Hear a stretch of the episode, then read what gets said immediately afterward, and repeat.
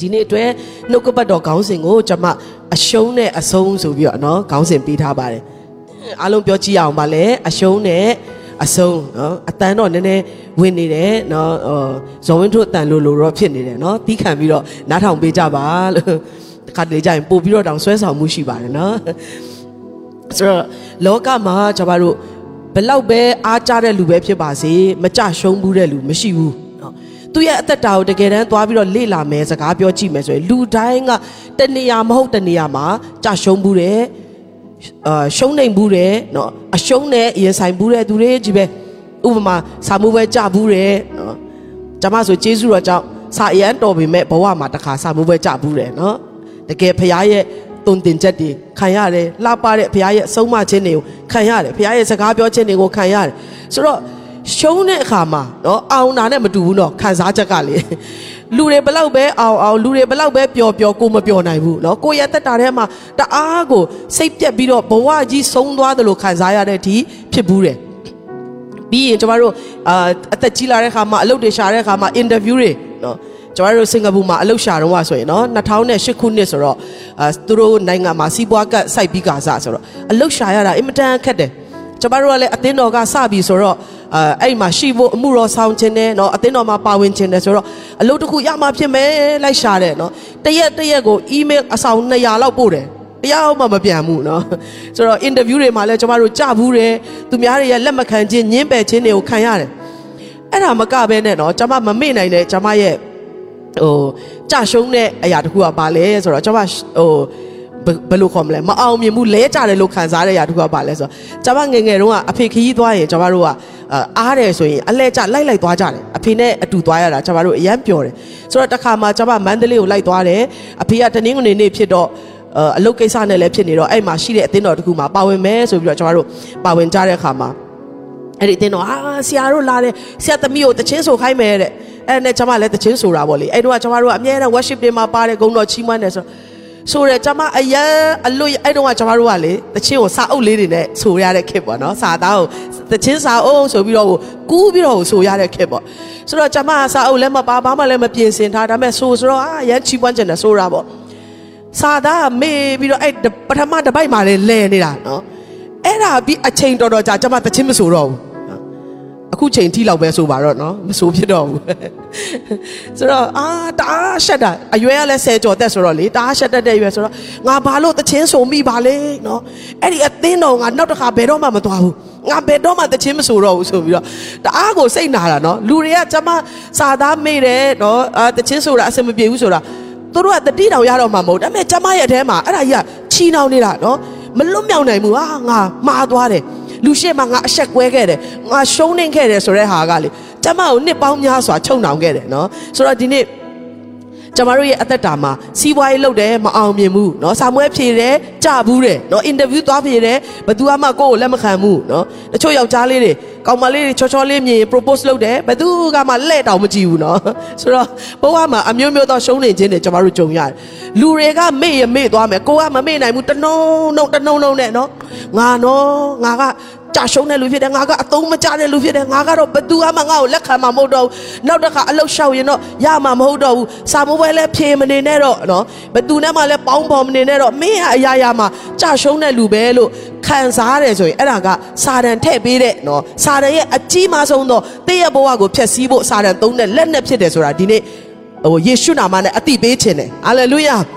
ဘာဖြစ်လို့လဲဆိုတော့တိပြီဆိုရင်အဲ့ဒါကျမတို့လွတ်မြောက်ဖို့အတွက်ဖြစ်တယ်နော်တိပြီဆိုရင်လွတ်မြောက်ဖို့အတွက်ဖြစ်တယ်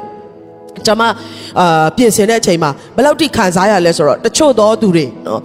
အာဥပမာအမျိုးသမီးတွေဖြစ်ကောင်းဖြစ်လိမ့်မယ်ကိုကိုကိုကြည့်တဲ့အခါမှာလုံးဝကိုဘဝမှာလူတယောက်ယောက်ကြောင့်နော်အခြေအနေတစ်ခုခုကြောင့်ကိုဘဝဟာပျက်စီးသွားတယ်တစားစီဖြစ်သွားတယ်ဘယ်တော့မှအစ်စ်ပြန်မဖြစ်နိုင်တော့ဘူးဒီလူကငါ့ကိုဖျက်ဆီးသွားတယ်ဒီအခြေအနေတစ်ခုကငါ့ကိုရိုက်ချိုးသွားတယ်လို့ခံစားရတဲ့သူများနော်ဒီနေ့ဗိမာန်တော်ထဲမှာတော့လကောင်း online ကနေကြည်နေတဲ့သူများတော့လကောင်းဒီနေ့နှုတ်ကပတ်တော်အပြင်အသင်ကိုဝိညာဉ်တော်ကလွတ်ချင်းခွင့်ပေးမယ်ဆိုတာကျွန်မဆုတောင်းတဲ့အချိန်မှာဘုရားကပြောထားတဲ့စကားဖြစ်တယ်ဟာလေလုယာလက်ခုပ်တီးလက်ဘုရားကိုချီးမွမ်းရအောင်ကိုကိုကိုမတိပေမဲ့ကျွန်မတို့ကကြာရှုံးဘူးသောအရက်မှာပဲဆက်ထိုင်တတ်တယ်နော်ရှုံးနိုင်ဘူးသောအရက်မှာပဲကျွန်မတို့ကလဲကြတတ်တယ်ဗမာစကားမှာချော်လဲရောထိုင်ဆိုတာရှိတယ်နော်ချော်လဲပြီးတော့အဲ့ဒီနေရာကနေပြန်မထတော့တာနော်ကျမတို့လဲကျသွားတဲ့နေရာမှာပဲဆက်လက်ပြီးတော့ အဲ့ဒီနေရာမှာပဲရှိနေပြီးရှေ့မဆက်တော့ဖို့ကစာတန်ရဲ့အကြံစီဖြစ်တယ်ဖခင်ရဲ့အကြံစီလုံးဝမဟုတ်ဘူးဖခင်ကတင့်ကိုအဆုံးထိပို့ဆောင်ခြင်းသောဖခင်ဖြစ်တယ်ဟာလေလုယာ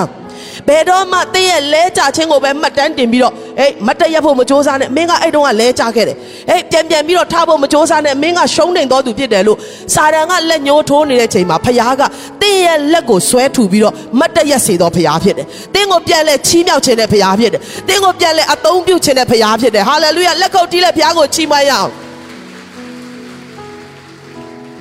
ဘာဖြစ်လို့လဲလို့မေးရင်ဖခင်ရဲ့မေတ္တာကအဆုံးမရှိလို့ဖြစ်တယ် ဟာလေလုယာဖခင်မိခင်များကတော့မှမင်းကိုတော့ဘယ်တော့မှငါတို့ကြောင်းမထားတော့ဘူးမင်းကိုတော့ဒီစီးပွားရေးလုပ်ငန်းဘယ်တော့မှပြန်မလုပ်ခိုင်းတော့ဘူးတင်းရဲ့ဇနီးတဲ့ကနေအလုပ်လုပ်တိုင်းရှုံးတယ်ဘယ်တော့မှမလုပ်နဲ့တော့လို့ပြောကောင်းပြောလိမ့်မယ်တင်းရဲ့ခင်မွန်းတဲ့ကမင်းဟာအသုံးမရတော့မိန်းမဖြစ်တယ်လို့ပြောကောင်းပြောလိမ့်မယ်ဖခင်ရဲ့မေတ္တာကတော့ဘယ်တော့မှအဆုံးမရှိဘူးအဂါဘေမေတ္တာအဆုံးမရှိတဲ့မေတ္တာနဲ့ကျမတို့ကိုအမြဲတမ်းချစ်တဲ့ဖခင်ကယနေ့ကျမတို့ကိုးကွယ်နေသောဖခင်ဖြစ်ပါတယ် သူရဲ့မေတ္တာသာအဆုံးရှိတယ်ဆိုရင်ကျမတို့ဒီနေရာမှာမတ်တရက်စရာအကြောင်းမရှိဘူးဘာလို့လဲဆိုရင်လူတိုင်းကမှားဘူးတယ်လူတိုင်းကရှုံးနေဘူးတယ်လူတိုင်းကလဲကြဘူးတယ်ဒါပေမဲ့ဖခင်ရဲ့အားကြီးသောလက်တော်အဆုံးမရှိတဲ့မေတ္တာကကျမတို့ကိုအမြဲတမ်းဆွဲထူနေတာဖြစ်တယ်ဟာလေလုယာငါသားငါသမီးမင်းလဲကြသွားတာအယံနာနေလားငါပြန်ထူမပေးမယ်ငါပြန်ကုသပေးမယ် ငါမင်းကိုအသစ်ဖြစ်စေမယ်လို့ပြောနေတဲ့စကလုံးရဲ့နောက်ွယ်မှာကြီးမားတဲ့ဘုရားရဲ့မေတ္တာရှိတယ်ထိုမေတ္တာကိုလက်ခုပ်တီးလဲကျမတို့ချီးမွမ်းကြရအောင်ဟာလေလုယာဟာလေလုယာလောကတဲ့လူသားတွေကတော့တင်းရဲ့အရှုံးကိုမှတ်ထားလိမ့်မယ်ဖခင်ကတော့တင်းရှုံးသွားလဲဘာမှမဖြစ်ဘူးတင်းအောင်မြင်နေလို့ तू ပိုချစ်တာလည်းမဟုတ်ဘူး तू ကချစ်လို့ချစ်တာဖြစ်တယ်ဟာလေလုယာဟာလေလုယာယေရှုပြည့်အနာမှာရှိတဲ့လူနှစ်ယောက်သုံးယောက်ကိုပြောပါအောင်ဖခင်အယမ်းချစ်တဲ့သူနဲ့အတူထိုင်ရတာဝမ်းမြောက်ပါတယ်လို့ပြောပေးပါအောင်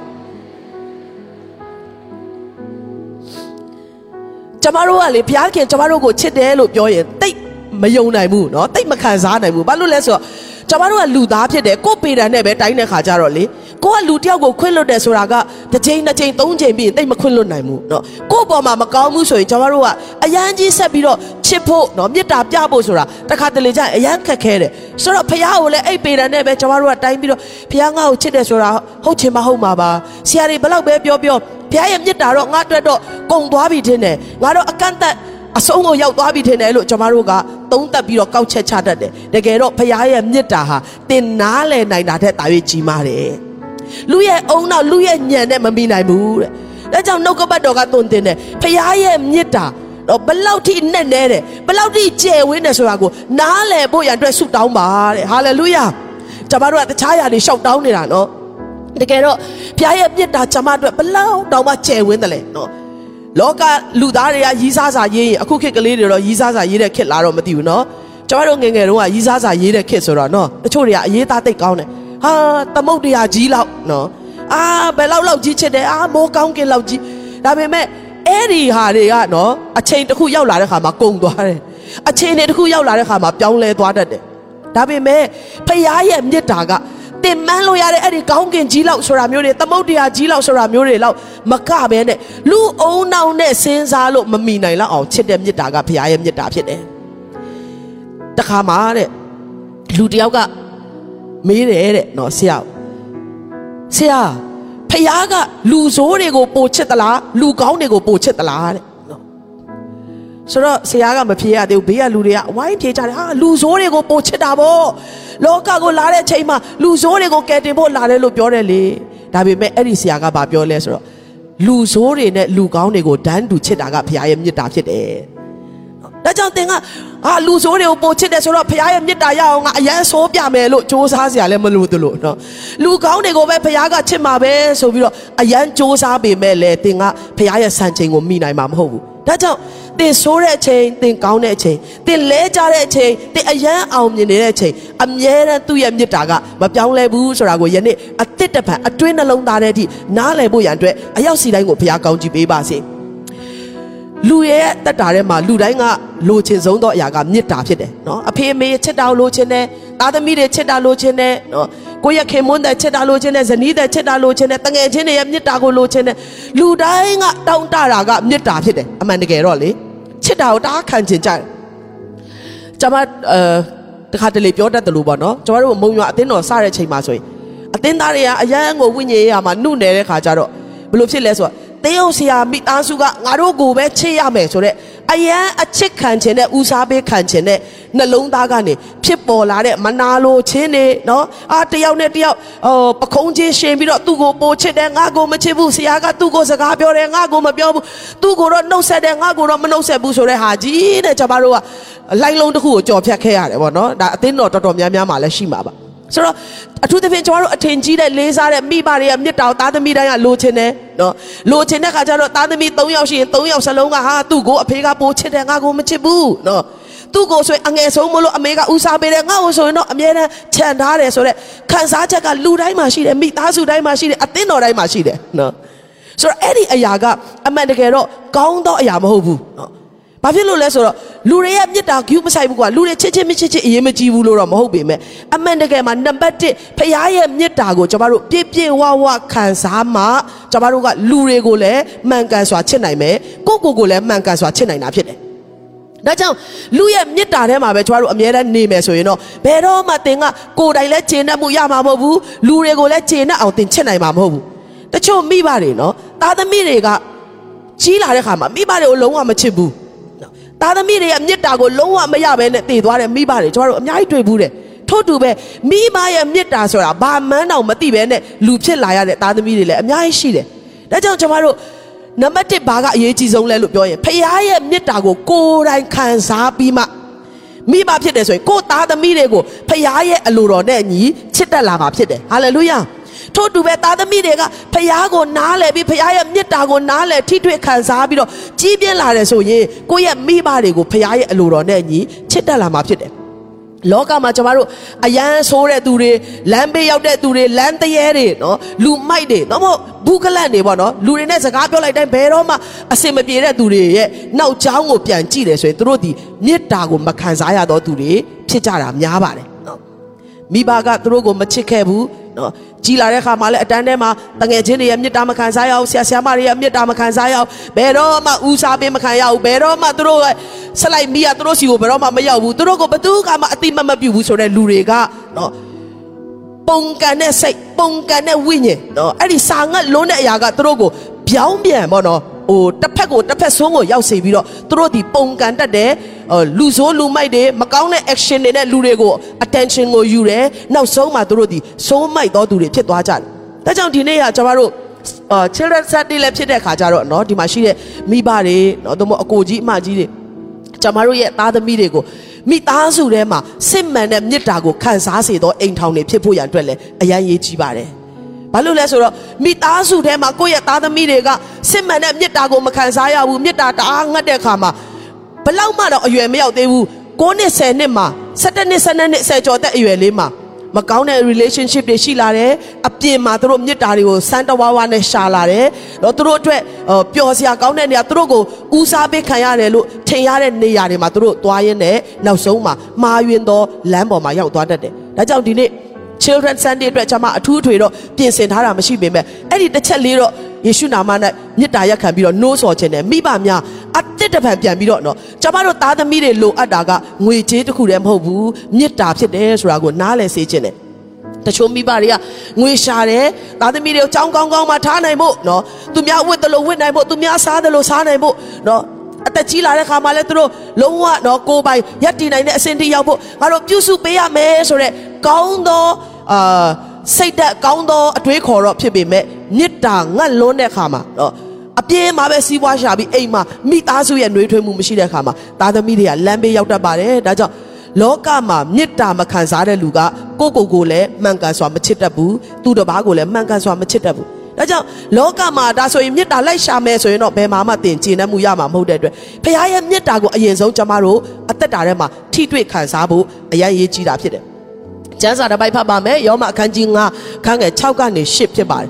ငါတို့သည်အကျိုးနဲ့ရှိစဉ်တွင်အချိန်တန်မှခရစ်တော်သည်မတရားသောသူတို့အတွက်ကြောင့်အသေးခံတော်မူ၏ယနေ့ကျွန်မတို့ဖျားကိုချစ်တယ်လို့ပြောကြပေမဲ့တကယ်တော့ကျမတို့ကအရင်ဆုံးချစ်တာမဟုတ်ပဲနဲ့သူကဥစွာချစ်တာဖြစ်တယ်ဟာလေလုယာ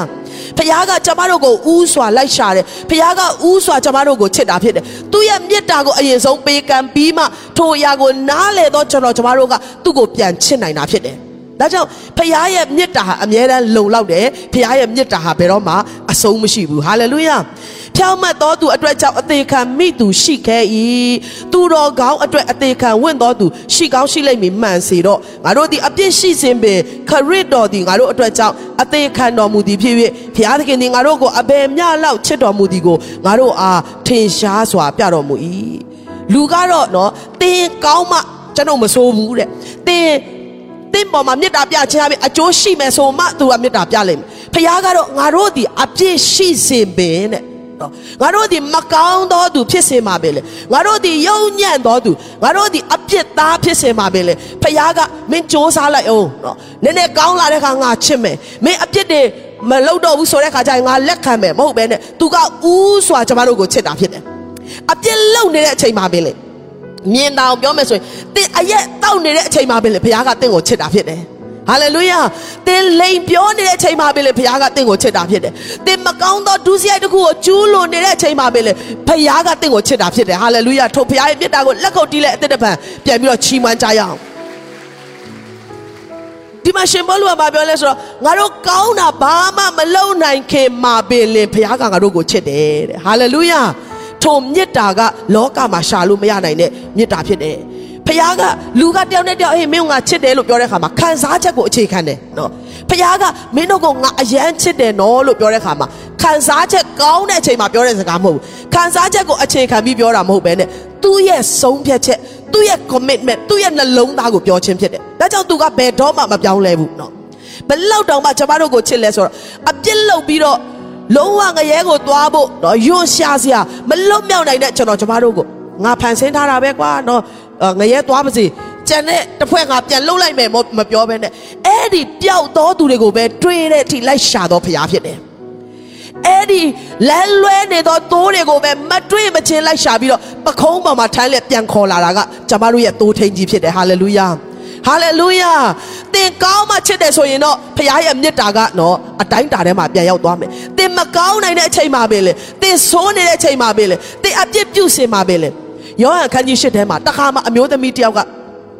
မာယွင်သောအမှုကိုပြုနေစင်မှာလူတွေကဖမ်းမိသွားတယ်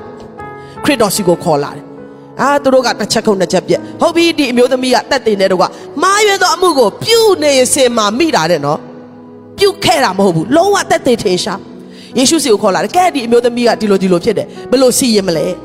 မောရှေရဲ့ကြမ်းတိုင်းဆိုရင်ခဲနဲ့မသိမချင်းပေါက်ပြီးတော့တက်ရမယ်လွတ်စေလို့ယေရှုကပြောတယ်ဆိုရင်လည်းသူဒီမောရှေရဲ့ကြမ်းကိုပယ်တော်သူဖြစ်မယ်ဆိုတော့လူတွေကယေရှုကိုထောင်ချောက်ဆင်လို့ရပြီဆိုပြီးတော့ဝမ်းသာစွာနဲ့ခေါ်လာတယ်လူသားရဲ့မေတ္တာကနော်ဖမ်းလို့ရတဲ့ရပြီဆိုတာနဲ့အေးဒီတယောက်ပြစ်လို့တာငါသိပြီတက်တင်ရှိတယ်နော်ဒါပေမဲ့ဖခင်ကအဲ့ဒီအချိန်မှာဘာလုပ်ခဲ့တယ်လဲယေရှုက တင်တို့ထဲမှာတဲ့အပြစ်မရှိဘူးဆိုတဲ့လူကအရင်ဆုံးခဲနဲ့ပေါက်ပါအပြစ်လုပ်တဲ့ဒီအမျိုးသမီးကစီရင်လို့ရတယ်မောရှေရဲ့ကြမ်းတိုင်းစီရင်လို့ရတယ်နော်ပေါက်လို့ရတယ်တေတဲ့ထိပေါက်ပါဒါပေမဲ့အပြစ်မရှိဘူးဆိုတဲ့လူကအရင်ဆုံးပေါက်ပါလို့ပြောတဲ့အခါမှာအသက်ကြီးသောသူမှစာ၍တယောက်နောက်တယောက်ခဲနဲ့မပေါက်ဘဲနဲ့ထွက်သွားလိုက်တာလူအားလုံးကုန်သွားတယ်အဲ့ဒီအမျိုးသမီးတယောက်ပဲကြံခဲ့တယ်ယေရှုကအေးမင်းတို့အခုတော့ငါတယောက်တည်းတယောက်ချင်းနော် one by one နှွာတော့မယ်မပြောဘူးနော်အခုငါမင်းကိုတွေ့တော့မယ်မင်းလှုပ်တာတော့မဟုတ်ဘူးမပြောဘဲနဲ့ငါသမီးမင်းကိုဘယ်သူမှမစီရင်ဘူးလားဟုတ်တယ်ကိုတော့ဘယ်သူမှမစီရင်အဲ့မျိုးသမီးဘလောက်ဝမ်းမြောက်မလဲနော်သူ့ရဲ့အသက်လွတ်သွားတယ်နော်သူ့ရဲ့အဆက်ကွဲခြင်းသူ့ရဲ့နောက်ဆုံးအခြေအနေတွေကနေယေရှုကကယ်တော့ခဲ့သူအယံဝမ်းသာမှာပဲကျမကိုဘယ်သူမှမစီရင်ဘူးကိုတော့လို့ပြောတဲ့အခါငါလည်းမစီရင်ဘူးတဲ့နောက်တစ်ခါဒီလိုမလုံးနဲ့တော့ဒါကဖခင်ရဲ့မြတ်တာဖြစ်တယ်ဟာလေလုယာ ဟာလေလုယာသင်ကိုလစ်လူရှုပြီးတော့မင်းဘာလို့လို့ငါဂယုမဆိုင်ဘူးလို့ပြောတာမဟုတ်ဘူးသင်မားတာကိုသိတယ်သိပေမဲ့မစီရင်ဘူးနောက်တစ်ခါမလုံနဲ့တော့ငါသမီးလို့ပြောပြီးပြန်လွတ်တဲ့ယေရှုရဲ့မြစ်တာကယနေ့ကျမတို့အတွက်အသက်ရှင်နေစေဖြစ်တယ်ဟာလေလုယာကျမတို့ဆိုးလို့တာဖခင်ကအမြဲတမ်းနော်မင်းအဲ့လောက် အပြစ်လုပ်တာငါမချစ်တော့ဘူးမင်းကငါကောင်းချင်မပေးတော့ဘူးမင်းကကြောခိုင်းတော့မယ်ဆိုရင်လောကမှာကျမတို့ကနော်အများစုကဖះကြောခိုင်းတဲ့ဖက်ချမ်းမှာကျမအပါဝင်အားလုံးရောက်သွားဖို့အကြောင်းပဲရှိတယ်ဒါပေမဲ့တိတ်ချစ်စရာကောင်းတဲ့ဖះကသူ့ရဲ့မေတ္တာဟာအဆုံးမရှိဘူးဆိုတာကအင်မတန်ကြီးမားတဲ့အနှစ်သာရကိုဖော်ဆောင်တယ်ဟာလေလုယာအဆုံးမရှိဘူးနော်အားလုံးပြောကြည့်အောင်ယေရှုပြုအဆုံးမရှိဘူးဘယ်အရာကလဲဖះရဲ့မေတ္တာကဟာလေလုယာအဆုံးမရှိဘူးလို့ပြောတဲ့အတွက်ဘယ်တော့မှမဆုံးဘူး ဘလောက်ပဲကျွန်တော်တို့အပြစ်များပါစေဘလောက်ပဲခွင့်လွတ်စရာမကောင်းဘူးဒီနေ့ကျွန်မဆုတောင်းတဲ့အခါမှာတချို့သောသူတွေကိုကိုကိုတောင်မှခွင့်မလွတ်တဲ့သူလေဘုရားရဲ့ခွင့်လွတ်ခြင်းနဲ့ဘုရားရဲ့မေတ္တာဒီနေ့မှာတင့်ပေါ်မှာအသက်တဖန်တက်ရောက်မှာဖြစ်တယ် ကျမတရားဟောလို့မဟုတ်ဘူးကျမကကျမ်းစာတစ်ခုဖတ်ပြလို့မဟုတ်ဘူးဝိညာဉ်တော်ကအံ့ဩမွေအသေးရဲ့အထဲမှာဖခင်ရဲ့ခွင့်လွှတ်ခြင်းဖခင်ရဲ့အမြတ်တာကအလုံးလုံးသွားပြီးတော့သင်ဟာဖခင်လက်ခံတော်သူဖြစ်မှန်သင်ဟာဖခင်ခွင့်လွှတ်တော်သူဖြစ်မှန်ဝိညာဉ်တော်ကတက်တက်ထူမဲ့နေ့ကယနေ့ဖြစ်ပါတယ်လက်ခုပ်တီးလက်ဖခင်ကိုချီးမွမ်းရအောင်တမချမ်းစာထဲမှာမတန်းတင်ခြင်းခံရတဲ့လူပုဂ္ဂိုလ်မြောက်များစွာရှိတယ်ကျွန်တော်တို့အားကြရတဲ့လေးစားပြီးအတူယူရတဲ့လူပုဂ္ဂိုလ်တွေအများကြီးရှိတယ်ဒါပေမဲ့အဲ့ဒီလူတွေဒီလဲ ဘဝမှာတစ်ချိန်တစ်ခါလဲကြဘူးတဲ့လူတွေမြောက်များစွာရှိတယ်ကျမကြည့်တယ်ဖျားတာဆိုရင်တော့ဟာမင်းဒီလောက်ထိငါကောင်းကြည့်ပေးတာဒီလောက်ထိချီးမြှောက်တာအဲ့ချိန်မှာတော့မင်းလဲသေးတယ်ဆိုတော့နော်မင်းကငါမတုံးတော့ဘူးငါတခြားတစ်ယောက်နဲ့ပဲဆက်ပြီးတော့အလုံးလုံးတော့မယ်လို့ပြောကောင်းပြောလိမ့်မယ်ဒါပေမဲ့ဖျားကလေအဲ့ဒီလဲကြတဲ့လူတွေကိုပဲပြန်အားပေးတယ်ထူမတယ် မင်းနဲ့အလုံးလုံးဖို့ငါစီစဉ်ထားတဲ့အရာနောက်တစ်ယောက်ကငါအစားမထိုးဘူးနော်မင်းနဲ့ပဲငါလုံမှာဆိုပြီးတော့ဖခင်ကအဆုံးထိဆွဲခေါ်သွားတဲ့လူပုဂ္ဂိုလ်မြောက်များစွာရဲ့အသက်တာကိုကျွန်မဖတ်တဲ့အခါမှာလေ့လာတဲ့အခါမှာအထူးပဲခွန်အားရတယ်ဟာလေလုယာကျွန်မတို့တွေကအမှုတော်ဆောင်နေဖြစ်တယ်ငယ်စဉ်ကလေးကလူမန်းတိတ္တဆာကလေးကဖခင်ကိုယုံကြည်ခဲ့တယ်ကျွန်မဆိုရင်ဟိုဆယ်ကျော်သက်မရောက်ခင်မှာကလေးကယေရှုအသက်သခင်ကယ်တင်ရှင်မြတ်နဲ့လက်ခံတဲ့ယင်းနဲ့ချင်းမင်္ဂလာခံတဲ့ခြားသောဘာစကားပြောတဲ့ဝိညာဉ်တော်နဲ့ပြေဝတယ် ကျွန်မအသက်20နှစ်လောက်မှာဘုရားရဲ့ခေါ်ခြင်းကိုခံရတယ်အမှုတော်မြတ်မှာစပြီးတော့ပါဝင်ခဲ့တယ်15နှစ်လောက်မှာကလေးက Sunday School တွေစတင်တယ်ဒါပေမဲ့ကျွန်မဘဝဟာစုံလင်လားလို့မေးရင်မစုံလင်ဘူးဘုရားရဲ့မေတ္တာနဲ့ထိုက်တန်လောက်တဲ့အကျင့်ကိုကျင့်နေသလားလို့မေးရင်ကျွန်မမကျင့်နိုင်ဘူးဒါပေမဲ့ဘုရားကကျွန်မကိုခေါ်တဲ့အရာမှာကျွန်မနဲ့အတူလုံမယ်လို့သူထားတဲ့ပန်းတိုင်ကိုတခြားတယောက်နဲ့ဘယ်တော့မှအစာမထိုးဘူးမရရတဲ့အထိကျွန်မကိုပြုပြင်တဲ့ဘုရားဖြစ်တယ် သူ့ရဲ့မေတ္တာနဲ့တိဆောက်ပြီးဆွဲခေါ်တဲ့ဘုရားဖြစ်တယ်။ထိုဘုရားရဲ့မေတ္တာဟာယနေ့တင့်အတွက်လုံလောက်နေတာဖြစ်တယ်။ဟာလေလုယာ။ဟာလေလုယာ။လက်ကုပ်တီးလက်ထိုဘုရားရဲ့မေတ္တာကိုအသက်တပံချီးမွမ်းရအောင်။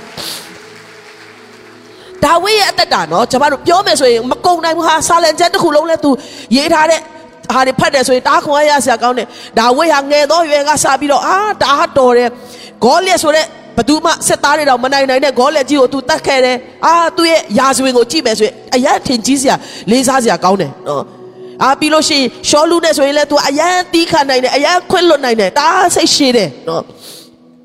သူရဲ့အသက်တာမှာအော်ဖခင်ကိုအမြဲတမ်းချီးမွမ်းတော်သူဖြစ်တယ်။ကျမ်းစာကဘလောက်တောင်ပြောလဲဆိုတော့ဖခင်ရဲ့စိတ်တော်နဲ့တွေ့တော်သူဖြစ်တယ်တဲ့။ဒါပေမဲ့တခါမှာတော့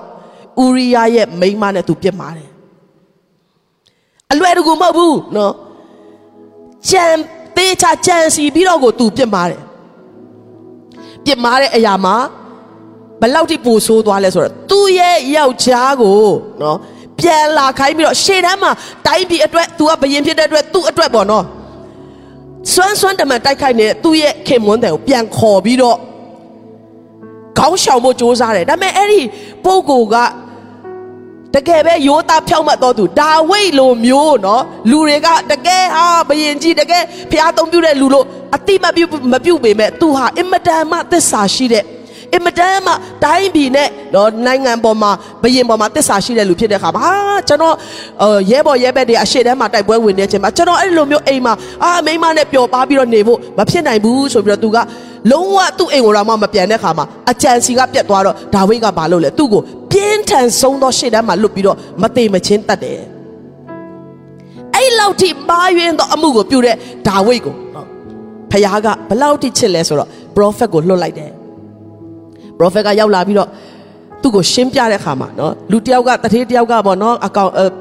တရိษံနေအများကြီးရှိတဲ့အထဲမှာဆိုအမျိုးမျိုးပေါ့ကျွန်တော်တို့သိပြီးသားပါရှင်းပြတဲ့အခါဒါဝိဒ်က तू မားသွားပြီဆိုတာ तू ကောင်းကောင်းသိတယ် तू ဘာလုပ်တယ်လဲဘုရားခင်ကျွန်တော်မားသွားတယ် तू နောင်တရပြီးတော့ तू ဆူတောင်းတဲ့အခါမှာယနေ့ကျွန်တော်တို့အပြစ်လွတ်ဖို့ရန်အတွက်ကဘုရားတောင်းဆိုတာတခုပဲရှိတယ်အဲ့ဒါနောင်တရပြီးတော့ဝင်ချဖို့အတွက်ဖြစ်တယ်ဟာလေလုယာ ဆိုတော့ तू ဝင်ချလိုက်တဲ့အချိန်မှာဘုရားကသူ့ကိုခွင့်လွတ်တယ်မစီရင်တော့ဘူးသို့တော်လဲ သူ့ရဲ့အပြစ်ရဲ့အကျိုးဆက်ဖြစ်တဲ့အဲ့ဒီအာဘာသာရှေဘာနဲ့ရတဲ့ကလေးကတော့တည်သွားတယ်နော်ဆိုတော့ကျမတို့သာဆိုရင်တော့အာမင်းဒီလောက်ထိနော်တိုးချောင်းသားဘွားကနေရှင်ဘရားတိငါချီးမြှောက်ခဲ့တယ်တဆွေလုံးတစ်မျိုးလုံးကောင်းကြီးခံစားစေတယ်မင်းကငါအစွမ်းတတ္တိနဲ့ပြည့်စုံစေတယ်ဘာကြောင့်ဒီလောက်ထိငါကိုပုံကန်ပြီးတော့ညဉ့်ညမ်းသောအမှုကိုပြုတ်တယ်လဲလို့နော်ခွင့်မလွတ်တော့ဘဲနဲ့ကန်ထုတ်လိုက်ဖို့ဖြစ်ပေမဲ့ဖခင်ကသူ့ပေါ်မှာချစ်တဲ့မေတ္တာဘယ်တော့မှမပြောင်းလဲဘူးဟာလေလုယာ ဒါကြောင့်ဒါဝိမင်းကြီးကသူဆက်ဆိုတဲ့တခြင်းတွေထဲမှာကျမတို့ကြည့်မယ်ဆိုလို့ရှိရင်ဖခင်ရဲ့မေတ္တာဘလောက်ထိသူခံစားရလဲဆိုတာကိုကျမတို့နားလည်ရတယ်ဆာလန်ကျမ်းတစ်ခုမှသူဘာပြောလဲဆိုတော့ဘုရားခင်ရဲ့ဝိညာဉ်တော်နဲ့ဘုရားရဲ့မျက်မှောက်တော်နဲ့လွတ်ဖို့ရန်အတွက်ငါဘယ်ကိုမှပြေးလို့မရဘူးနော်ဟိုးအမြင့်ဆုံးသောနေရာကိုငါရောက်နေတဲ့အချိန်မှလည်းဘုရားကငါ့ကိုချစ်တယ် မရဏနိုင်ငံကဲ့သို့အင်မတန်နှိမ်ကြပြီးတော့တော့အယမ်းကိုညဉ့်ညမ်းတဲ့အရက်အယမ်းကိုပူလောင်တဲ့အရက်ညစ်ဆုပ်တဲ့အရက်မှာငါရောက်တဲ့အချိန်မှာလဲဖခင်ကငါ့ကိုမထားခဲ့ဘူးဆိုတဲ့တခြင်းကသူ့ရဲ့အသက်တာတွေကနေထွက်လာတယ်ဟာလေလုယာဟာလေလုယာတင်းကိုဘယ်နေရာရောက်ရောက်မိနိုင်တာကဘုရားရဲ့မြတ်တာဖြစ်တယ် တင်းမတအောင်မြင်နေတဲ့အချိန်မှာလဲဘုရားရဲ့မြတ်တာကတင်းကိုကြည်ပြီးတော့ပျော်နေတယ်။အော်ငါသားငါပေါ်မှာသစ္စာရှိနေတယ်။ငါသားကငါပေါ်မှာအမြဲတမ်းဟိုအကောင်းဆုံးအသက်ရှင်နေတယ်။ယုံကြည်သူတယောက်အသက်ရှင်ရမယ့်ပုံစံနဲ့အသက်ရှင်နေတယ်။ချစ်စရာကောင်းလိုက်တာ။ဆိုးတဲ့အချိန်လဲကျသွားတဲ့အချိန်တင်းဂျွန်းတို့မောက်ခုံဖြစ်တဲ့အချိန်တင်းအပြစ်ထဲမှာနစ်မွန်းသွားတဲ့အချိန်မှာလဲတော်ပြီလို့မပြောဘဲနဲ့ဒီသားကိုပဲ နော်ဒီသမီးကိုပဲချစ်တဲ့မေတ္တာနဲ့ပြန်လဲဆွဲထူတဲ့ဖခင်ရဲ့မေတ္တာကိုဒါဝိဒ်ကောင်းကောင်းနားလည်သွားတဲ့ခါမှာသူ့ရဲ့တခြင်းတွေဟာယနေ့အထိစာလံတခြင်းဆိုပြီးတော့ကျွန်တော်တို့အားလုံးကဖတ်ရှုပြီးတော့ခွန်အားယူနေရတာဖြစ်တယ်ဟာလေလုယာအနားမှာရှိရလို့ပြောပေးပါအောင်သင်ရဲ့ဆုံးရှုံးတဲ့နေရာကသင်အတွက်အဆုံးမဟုတ်သေးဘူးလို့ပြောပေးပါအောင်ဖခင်သခင်ကသင်အပြစ်လုပ်မိတဲ့အခါမှာဆုံးမတော်လဲမစွန့်ပစ်တော်ဖခင်ဖြစ်တယ်ဟာလေလုယာ ဟာလေလုယာတင်းရဲ့အပြစ်ကိုထောက်ပြတော်လဲမစီရင်တော်ဖရားဖြစ်တယ်ထို့ဖရားနာမတာ၍ဘုန်းကြီးပါစေဟာလေလုယာနောက်တစ်ယောက်ချမခွန်အားယူတာကအေလိယရဲ့အသက်တာဖြစ်တယ်အေလိယလို့ပြောလိုက်တာနဲ့သူ့ရဲ့ image ကအရန်ကြီးတယ်နော်ဟာအရန်ဘုရားအသုံးပြုတဲ့ပုံကိုပဲနမိတ်လက္ခဏာတွေအများကြီးဖြစ်တဲ့ပုံကိုပဲနော်တကယ်ကိုဘုရားရဲ့အတန်ကိုကြားပြီးတော့လုံးဝမလွဲဘူးတဲ့ပုံကိုပဲလို့ကျွန်တော်တို့အားလုံးသိကြတယ်ယုံကြည်ခြင်းအမြဲတမ်းအားကြီးတယ် ဆူတောင်းတယ်သုံးနှစ်ခွဲမိုးမရွာဘူးเนาะကဲဘလောက်ထိပြင်းထန်တဲ့အားကြီးတဲ့ဆူတောင်းချက်လဲနောက်ဆုံးမှမိုးမရွာလူတွေအစာရေစာငတ်ပြတ်နေတဲ့အချိန်မှာကြီးအားကိုလွတ်ပြီးတော့ဘုရားကနေ့တိုင်းကျွေးမွေးတယ်ဘလောက်စိန်ကြလဲเนาะအဲ့ကလေးက delivery စနစ်နဲ့เนาะဘုရားကအလုပ်လုပ်တယ်အဲ့ဒီ delivery ကနောက်ကျတယ်ဆိုတာမရှိဘူးမနေ့တစ်ခါညနေတစ်ခါเนาะမှန်မှန်ကျွေးတယ် ခေရစ်ချောင်းမှာရေကုန်သွားတဲ့အချိန်မှာဇရတမြို့ကိုသွားတယ်အဲ့ဒီမှာမင်းကိုကျွေးမွေးမဲ့သူငါပြင်ဆင်ထားတယ်သွားလိုက်တော့မုတ်ဆိုးမနော်ကြည့်ရင်မျောလင့်စရာမရှိဘူးစားပြီးသေမဲ့နော်ထမင်းတစ်လုံးပဲလက်ထဲမှာကြံတယ်ကျွန်တော်တို့ဒီမြန်မာပြည်စကားနဲ့ပြောမယ်ဆိုရင်ဒါပေမဲ့ तू ရောက်သွားတဲ့အချိန်ကစ तू ဖះပြောတဲ့စကားကိုနားထောင်ပြီးသူ့ကိုပြုစုလိုက်တဲ့အချိန်ကစနင်းနဲ့ချီပြီးတော့သူတို့အိမ်မှာအစာရေစာမပြတ်လက်ဘူးကဲဘလောက်ထိနော်နောက်ဆုံးမှာ ဘာလပရောဖက်တွေနဲ့ရှင်ပြိုင်ပြီးတော့ဆုတောင်းတာနော်ကောင်းကင်ကနေမိကြဖို့အတွက်ဆုတောင်းတာဟိုဟာတွေကတနေ့ကိုអော်ပြီးတောင်းတယ်နော်ဘာမှမကြလာဘူး तू ကတစ်ချက်ပဲဆုတောင်းတယ်မိကြလာလူပေါင်းမြောက်များစွာနဲ့ရင်ဆိုင်နဲ့အောင်မြင်တယ်ဒါပေမဲ့တရက်မှာတော့အာဟရဲ့မိန်းမဖြစ်တဲ့ယေဇဗေလကဒီပရောဖက်ကိုငါတန်ရမကိုဖြစ်မယ်ဆိုပြီးတော့ကျိန်းလိုက်တဲ့ချိန်မှာအင်မတန်ကြောက်လို့ထွက်ပြေးတယ်ကျမ်းစာထဲမှာကြောက်လို့ထွက်ပြေးတယ်လို့ပါတယ်နော်အရန်ကြောက်တဲ့အချိန်ရောက်လာတယ်သူရဲ့ယုံကြည်ခြင်းနဲ့ကြက်ပြောင်းငယ်ပြောက်ပြောက်သွားတယ်။ तू လောက်ခဲ့ဘူးတဲ့ तू အပြစ်ဖြစ်ခဲ့ဘူးတဲ့နမိတ်လက္ခဏာတွေကဘာမှမရှိတော့သလို तू ခံစားရတယ်။ပြေးပြီးတော့နောက်ဆုံး तू ကဘုရားခင်ကိုဘယ်လောက်ထိပြောလဲဆိုတော့နော်ဘုရားသခင်နဲ့ကျွန်တော်ကိုတေခိုင်းရင်ပိုကောင်းမယ်တဲ့နော်ရတန်ပေအောက်မှာ तू ဆုတောင်းတယ်ကိုတော့ကျွန်တော်ဟာတယောက်တည်းဖြစ်နေတယ်တဲ့ဘာမှလည်းတန်ဖိုးမရှိတော့ဘာမှလည်းကျွန်တော်မလုပ်နိုင်တော့အဲ့အတူတူကျွန်တော်ကိုတတ်လိုက်ပါတော့ကျွန်တော်တေတာပဲပိုကောင်းတယ်ကျမသာဖျားဆိုရင်နော်ချက်ချင်းနှစ်ရင်နှစ်ရင်နှစ်ချက်သုံးချက်ရိုက်လိုက်မှာနော် ဟဲ့ဘာလို့အဲ့လောက်တောင်မှတတိမရတာလဲနော်ပြန်စင်းစားစမ်းနော်မင်းဘာလာ prophet တွေနဲ့ရှင်ပြိုင်တော့ဘလို့နိုင်ခဲ့တယ်လဲမင်းပေါ်မှာဘလောက်နမိတ်လက္ခဏာငါပြုတ်ခဲ့လဲကျမဆိုရင်ရိုက်မိမှာနော်ဒေါသအတွက်မှာခေါင်းခောက်မိမှာဖျားကဘာပြောလဲသူ့ကိုအိတ်နေတဲ့အချိန်မှာနော်ဖျားကအေလိယထပါတဲ့နော်နိုးလာတဲ့ခါမှာဘာလုပ်လဲမုံနဲ့ရေကိုဘေးမှာထားထားပြီးတော့သူ့ကိုအစင်သက်စားခိုင်းတယ်စားပြီးတော့သူတခါပြန်အိတ်တယ် ဖះကသူ့ကိုပြန်နိုးတယ်ထအောင်နဲ့ပြန်စားအောင်နဲ့မင်းသွားရမယ့်ခရီးအရန်ဝေးသေးတယ်မင်းဒီနေရာတော်ပြီဒါမင်းအဆုံးပဲလို့မပြောဘူးတော့ဖះကမင်းသွားရမယ့်ခရီးအရန်ဝေးသေးတယ်ကျွေးမွေးသောဖရားဖြစ်တယ်အားပြန်ပြည့်စေသောဖရားဖြစ်တယ်ဟာလေလုယာဒီနေ့သင်လဲကြလို့ကြောက်ပြီးတော့ထွက်ပြေးနေတဲ့နေရာမှာဖရားကသင်ကိုအားပြည့်စေမှာဖြစ်တယ်ဖရားကသင်ကိုပြန်လဲမတ်တရက်စေမှာဖြစ်တယ် မင်းနဲ့ငါအလုံးလုံးဖို့အများကြီးကြံသေးတယ်ထပါစားပါဦးနော်တောက်ပါအောင်အစင်သစ်ဖုတ်ထားသောမုတ်ကိုကျွေးတယ်လို့ပြောတယ်ဟာလေလုယာဟာလေလုယာသင်ကြောက်ရွံ့ပြီးတော့ထွက်ပြေးတဲ့အချိန်မှာအရှုံးသမားဘဝနဲ့သင်အရာအလုံးကိုစွန့်ခွာပြီးတော့ပြေးထွက်နေရတဲ့အချိန်မှာပဲလေဖခင်ကသင်ကိုမထားခဲ့တော့ဖခင်ဖြစ်တယ်ဖခင်ကဟဲ့ငါကြောက်နော်မိမတယောက်ပြောရတော့အဲ့လောက်ကြောက်ရလားနော်အခုကစမင်းကမတုံးတော့ဘူးမပြောဘဲနဲ့ထား ပါတဲ့မင်းနဲ့အတူငါလောက်ရမယ့်အလုပ်တွေအများကြီးရှိသေးတယ်ဒါမင်းအဆုံးမဟုတ်သေးဘူးမင်းသွားရမယ့်ခရီးအဝေးကြီးကြံသေးတယ်စားပါအားပြန်ဖြည့်ပါလို့ပြောတယ်ဖခင်ရဲ့မေတ္တာကယနေ့တင့်ကိုအားပြည့်စေမှာဖြစ်တယ်ဟာလေလုယာလက်ကုပ်တီးလက်ဘုရားကိုချီးမွမ်းရအောင်ဟာလေလုယာ ကျမတို့ကိုကိုကိုတောင်မှစိတ်သက်ကြည့်ပြီးတော့စိတ်သက်ကြတဲ့အချိန်ဘာမှမလုပ်ချင်တော့တဲ့အချိန်တော်ပြီးငါဟာအသုံးမရတော့သူဖြစ်တယ်ငါဟာတယောက်တည်းပဲကြံတော့တယ်ငါဟာအားနေတော့သူဖြစ်တယ်လို့ပြောတဲ့အချိန်မှာဘုရားကမင်းကငါအားပြည့်စေမယ်ပြန်သုံးမယ်လို့ပြောတာကအေလိယရဲ့အသက်တာမှာကျွန်တော်တို့မြင်ရတဲ့ဘုရားရဲ့မြစ်တာတော်ဖြစ်တယ်ဟာလေလုယာနောက်တစ်ယောက်ကပေါလုနော်ကျွန်မအများကြီးမပြောတော့ပေါလုရဲ့အသက်တာကျွန်မတို့အားလုံးသိပါတယ်အသင်းတော်ကိုညှင်းဆဲတော်သူဖြစ်တယ်ယုံကြည်သူတွေကိုညှင်းဆဲတော်သူဖြစ်တယ်စိတ်အားကြီးတော်သူဖြစ်တယ် ဖခင်ကတခြားလူရွေးစရာမရှိဘူးလားဘာကြောင့်အဲ့လောက်ဆိုးတဲ့လူကိုမှရွေးတယ်လဲဖခင်မှာအကြံစီရှိတယ်သူဓမ္မတက်မျိုးကိုသွားတဲ့လမ်းမှာဖခင်ကအလင်းတန်းအဖြစ်စကားပြောတယ်အတူနဲ့ပြောမယ်ဆိုရင်သူ့ကိုရွေးကောက်တယ်နော်သူဖခင်နောက်ကိုလိုက်တယ်ဖခင်ရဲ့မေတ္တာကိုသူထိတွေ့ခံစားရတယ်ဖခင်ရဲ့ခေါ်ခြင်းကိုရလာတဲ့ခါမှာဘယ်လောက်တောင်မှသူကနော်ကျမပေါ်လို့နေရာမှာဝင်ခံစားကြည့်တယ်သူအသင်းတော်တွေကိုတတ်ခဲ့တဲ့အချိန်ယုံကြည်သူတွေကိုဖျက်ဆီးခဲ့တဲ့အချိန်ကို तू မေ့မယ်ထင်လား မမေ့ဘူးနော်တစ်ချိန်လုံး तू guilty ဖြစ်မှာပဲသူ့ကိုသူလေသွားတဲ့ခါမှာဘုရားကျောင်းတွေရှေ့ရောက်တဲ့ခါမှာယုံကြည်သူတွေနဲ့တွေ့တဲ့ခါမှာဟာငါဟာအသင်းတော်ကိုဖျက်ဆီးတော်သူငါဟာလူတွေကိုယုံကြည်သူတွေကိုတတ်တော်သူညင်ဆဲတော်သူပဲဆိုတာတစ်ချိန်လုံးသူကသူ့ကိုသူအပြစ်ရှိတယ်လို့ခံစားရမယ်လို့ကျွန်မထင်တယ်ဒါပေမဲ့အဲ့ဒီပုံကိုကိုပဲအဲ့ဒီလူကိုပဲဘုရားကဆွဲခေါ်ပြီးတော့ဘလောက်ထိတော့သူသုံးတယ်လဲဆိုတော့ နောက်ဆုံးမှာနော်မာတူရာပထမဆုံးမာတူရာတထေဖန်ကိုတတ်တဲ့အချိန်မှာဝစ်လုံတွေကိုကင်ထားပေးတဲ့ရှောလူကတစ်ချိန်မှာတော့အသင်းတော်တွေကိုပြုစုတော့တမန်တော်ကြီးဖြစ်လာတယ်အသင်းတော်မြောက်များစွာကို oversee လုပ်တဲ့ဘုရားရဲ့အသုံးပြုတဲ့တမန်တော်ကြီးဖြစ်ယုံတာမကဓမ္မသစ်ကျမ်းရဲ့အများဆုံးသောကျမ်းတွေအားလုံးကသူရေးတာဖြစ်တယ်အဲ့လောက်ထိဘုရားသုံးတဲ့ခါမှာသူကဘာဘာစာလေးကိုရေးထားလဲဆိုတော့တိမောသေပထမစာအခန်းကြီး1အခန်းငယ်15 16မှာ ယေရှုခရစ်သည်အပြစ်ရှိသောသူတို့ကိုကယ်တင်ခြင်းကဤလောကသို့ကြွလာတော်မူသည်ဟုသောစကားသည်သစ္စာစကားဖြစ်၏အကျွင်းမဲ့ခံယူအပ်သောစကားလည်းဖြစ်၏အပြစ်ရှိသောသူတို့တွင်ငါသည်အကြီးဆုံးဖြစ်၏ဘောလူ तू နားမလဲဘူးလားတိတ်နားလဲတာပေါ့ तू အပြစ်ရှိတယ်လို့မခံစားရဘူးလား guilty မဖြစ်ဘူးလား तू လုပ်တဲ့အလုပ်တွေကိုပြည်ပုံခါချပြီးတော့တခါမှအတင်းတော်ကိုမငင်းဆဲသောသူတယောက်ကဲ့သို့ခတ်တီတီသွားတာမဟုတ်ဘူး तू ကောင်းကောင်းသိတယ်သူ့ ရဲ့အတိတ်ဟာအင်မတန်ညဉ့်ညမ်းတယ်သူ့ရဲ့အတိတ်ဟာအင်မတန်မှဖះကိုနာကျင်စေတယ်ဆိုတာ तू ကောင်းကောင်းနားလဲတယ်ဒါပေမဲ့အပြစ်ကြီးလေလေဂျေဇုတော်တာ၍ခံစားလေလေဖြစ်တယ်ဟာလေလုယာမာယွင်ခဲ့တဲ့အရာများလေလေဖះရဲ့မြစ်တိုင်မနဲ့ကြီးမားမှပို့ပြီးတော့နားလဲလေလေဖြစ်တယ်အပြစ်ရှိသောသူထဲမှာအကြီးဆုံးဖြစ်တဲ့ငါ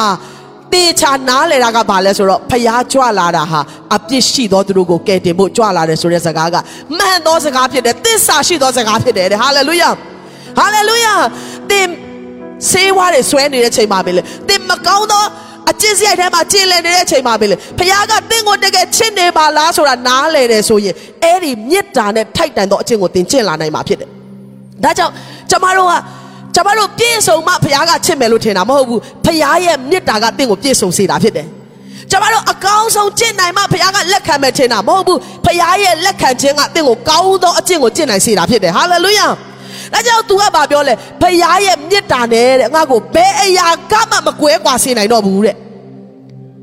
ဘုရားရဲ့ဘယ်ဟာကနော်ဘုရားပေးတဲ့ကောင်းချီးမင်္ဂလာကဘုရားပေးတဲ့ယာတုကလို့ तू မပြောဘူးဘုရားရဲ့မေတ္တာနဲ့ငါ့ကိုဘယ်အရာကမှမကွာစေနိုင်ဘူး ငါဒီများစွာသောညှင်းဆဲနှိပ်စက်ခြင်းကိုခံရတယ်ပေါလုကနော်သူကိုယ်တိုင်လည်းပြန်ပြီးတော့ကြီးမားသောညှင်းဆဲခြင်းကြီးမားသောနှိပ်စက်ခြင်းကိုသူခံရတယ်။ယနေ့ကျွန်တော်တို့လောကမှာအပြစ်မပြုတ်မိဖို့ရအတွက်အရန်လိုတာကဘာကြောင့်လဲလို့မေးဖခင်ကခွင့်မလွတ်လို့အပြစ်မပြုတ်ရမှာမဟုတ်ပဲနဲ့ဖခင်ကတော့ခွင့်လွတ်တယ်သို့တော်လည်းအပြစ်ရဲ့ကိုလှုပ်တဲ့အပြစ်ရဲ့အကျိုးဆက်ကိုကျွန်တော်တို့ပြန်ခံစားရတယ်။ဒါကြောင့်အပြစ်မလုပ်ဖို့အရန်ရေးကြီးတယ်နော်။ဒါဝိတ်လည်းသူ့ရဲ့သားတည်သွားတယ်နော်ပြန်ပေးဆက်ရတယ် ခုရှောလူလည်းပြန်ပြီးတော့ညှင်းဆဲခြင်းခံရတယ်ဒါပေမဲ့ तू ကဘာပြောလဲဆိုတော့ငါကများစွာသောညှင်းဆဲခြင်းတွေခံရတယ်အမျိုးမျိုးသောနှိပ်စက်ခြင်းတွေခံရတယ်ဒါပေမဲ့နော်ဖခင်ရဲ့မြတ်တာသူ့ပေါ်မှာအင်မတန်ကြီးမားမှန်းသူနားလေတဲ့ခါမှာအဲ့ဒီအရာတွေကငါ့ကိုဖခင်ရဲ့မြတ်တာနဲ့မကင်းကွာစေနိုင်ဘူးဟာလေလုယာ နောက်ဆုံးတယောက်ပေတရုနော်ပေတရုလို့ပြောလိုက်တာနဲ့ကျွန်တော်တို့အားလုံးနားလဲတယ်ရေပေါ်မှာလမ်းလျှောက်ဘူးတော့တယောက်ထဲသောသူဖြစ်တယ်နော်ယေရှုသည်ဖခင်သားဖြစ်တယ်ဆိုတာကိုပထမဦးဆုံးဝန်ခံတော့ဖခင်ရဲ့ဖွင့်ပြချက်ကိုရတော်သူဖြစ်တယ်ဟာအယံကိုတော်တဲ့အယံကိုကောင်းတဲ့တမန်တော်တယောက်ပါဒါပေမဲ့ယေရှုကပြောတယ်မင်းငါ့ကိုညင်းပယ်လိုက်မယ်အာလုံးဝမညင်းပယ်ဘူးကိုတော့ကိုတော့တင်ကျွန်တော်လဲလိုက်တင်မယ်ဒါပေမဲ့တစ်ချိန်မှာတော့ယေရှုအမှန်တကယ်အဖန်ခံရပြီးတော့လက်ဝါးကားတိုင်းပေါ်တက်ဖို့ပြင်ဆင်နေတဲ့အချိန်မှာ ပေတရုကအနီးနားမှာရှိတယ်နော်ဒါပေမဲ့ယေရှုပြောထားသလိုပဲ၃ချိန်တိုင်တိုင်ညင်းပယ်ခဲ့တယ်မာကုခန်းကြီး14ထဲမှာခန်းငယ်81 82မှာပေတရုကသင်တို့ပြောသောသူကိုငါမသိဟုအဋိဋ္ဌံပြု၍ချိန်ဆိုသည်နောက်ကြက်တဖန်ကြက်တွန်လေ၏ယေရှုကကြက်သည်နှစ်ချိန်မတွန်မီသင်သည်သုံးချိန်မြောက်အောင်ငါ့ကိုညင်းပယ်လိမ့်မည်ဟုမိန့်တော်မူသောစကားကိုပေတရုသည်တတိယသဖြင့်ခေါင်းကိုခြုံ၍ငိုကြွေးလေ၏အဲ့ချိန်မှာ तू ဘလောက်တောင်မှနော် သူ့ကိုယ် तू စိတ်ပြက်မလဲဆိုတာကျွန်မပေတရုနေရာမှာစဉ်းစားမိတယ်နော်အာကြီးကျယ်ကိုတော့ကိုတော့လုံးဝမသိရဘူးနော်အာတခါတည်းလာဖမ်းတဲ့လူကိုရိုက်ထည့်လိုက်ဓာတ်နဲ့ခုံးလိုက်တာနှရွက်ပြတ်သွားတယ်နော်အရန်ကိုစိတ်နဲ့တက်ကြွပြီးတော့ဖျားအတွက်ဆိုရင်လုံးဝဆွမ်းဆွမ်းတမန်ဆိုတဲ့ပုံကတစ်ချိန်မှာတော့ဒီလူကိုငါမသိဘူးလို့သူပြောလိုက်တယ်ဖြစ်ချင်တော့အဲ့ချိန်မှာကြက်ကတုန်တဲ့ခါမှာယေရှုပြောခဲ့တဲ့စကားကိုသူတတိယပြီနော်ကျန်တဲ့လူတွေလက်ညှိုးထိုးတာတော့မထားလိုက်တော့ သူ့ကိုယ်သူဘလောက်ထိသူမုန်းမလဲဘလောက်ထိယွန်ရှာမလဲနော်ကျမသာဆိုဟာသုံးနဲ့သုံးဖို့ငါသူ့နောက်ကိုလိုက်ခဲ့တာငါငါဖမ်းနေတဲ့ဘဝကနေငါ့ကိုခေါ်ပြီးတော့နမိတ်လက္ခဏာထဲမှာငါ့ကိုဆွဲခေါ်တာတကယ်ပဲငါဆရာအရင်ခောက်ခောက်ငါ့ကိုအယမ်းချစ်တဲ့လူငါ့ကိုပြုစုတဲ့ဆရာငါညင်းလိုက်မိပြီညင်းတာမှဘယ်လောက်ထိညင်းလဲငါမသိဘူးတဲ့အဲ့လူကိုပေတရုကယေရှုရဲ့ပြောထားတဲ့စကားကိုပြန်တတိရတဲ့အခါမှာခေါင်းကိုခြုံပြီးတော့ ယောက်ျားကြီးတံမဲနဲ့ပြင်းထန်စွာသူငိုကြွေးတယ်ကိုရောကိုရောကိုကျွန်တော်မသိဘူးလို့ပြောလိုက်မိပြီတကယ်ပဲကျွန်တော်ကိုရောကိုညင်းလိုက်မိပြီကျွန်တော်ဟာအသုံးမရတော့သူဖြစ်တယ်ကိုရောရဲ့တပည့်တော်လို့တော့မှမခေါ်ထိုက်တော့ဘူးကျွန်တော်ဟာဘယ်တော့မှတော့ထိုက်တန်တော့သူမဖြစ်နိုင်တော့ဘူးကျွန်တော်ဟာကိုရောကိုအဆုံးထိညင်းပယ်တော့သူဖြစ်တယ်ညင်းနာမှကိုရောကိုမသိဘူးလို့တော့ကျွန်တော်ပြောလိုက်မိပြီကိုရောရဲ့သူတောက်ရှောင်မျက်ရည်ကျနေမှာပဲဒါပေမဲ့ဒီနေ့ကျွန်မ ယေရှုပြောတဲ့စကားလေးတစ်ခုကိုတွေ့တဲ့အခါမှာအယမ်းခွန်အားရတယ်အချိန်မှာယေရှုကပြောထားတဲ့အတိုင်း၃ရက်မြောက်သောနေ့မှာပြန်လဲရှင်ပြန်ထမြောက်တယ်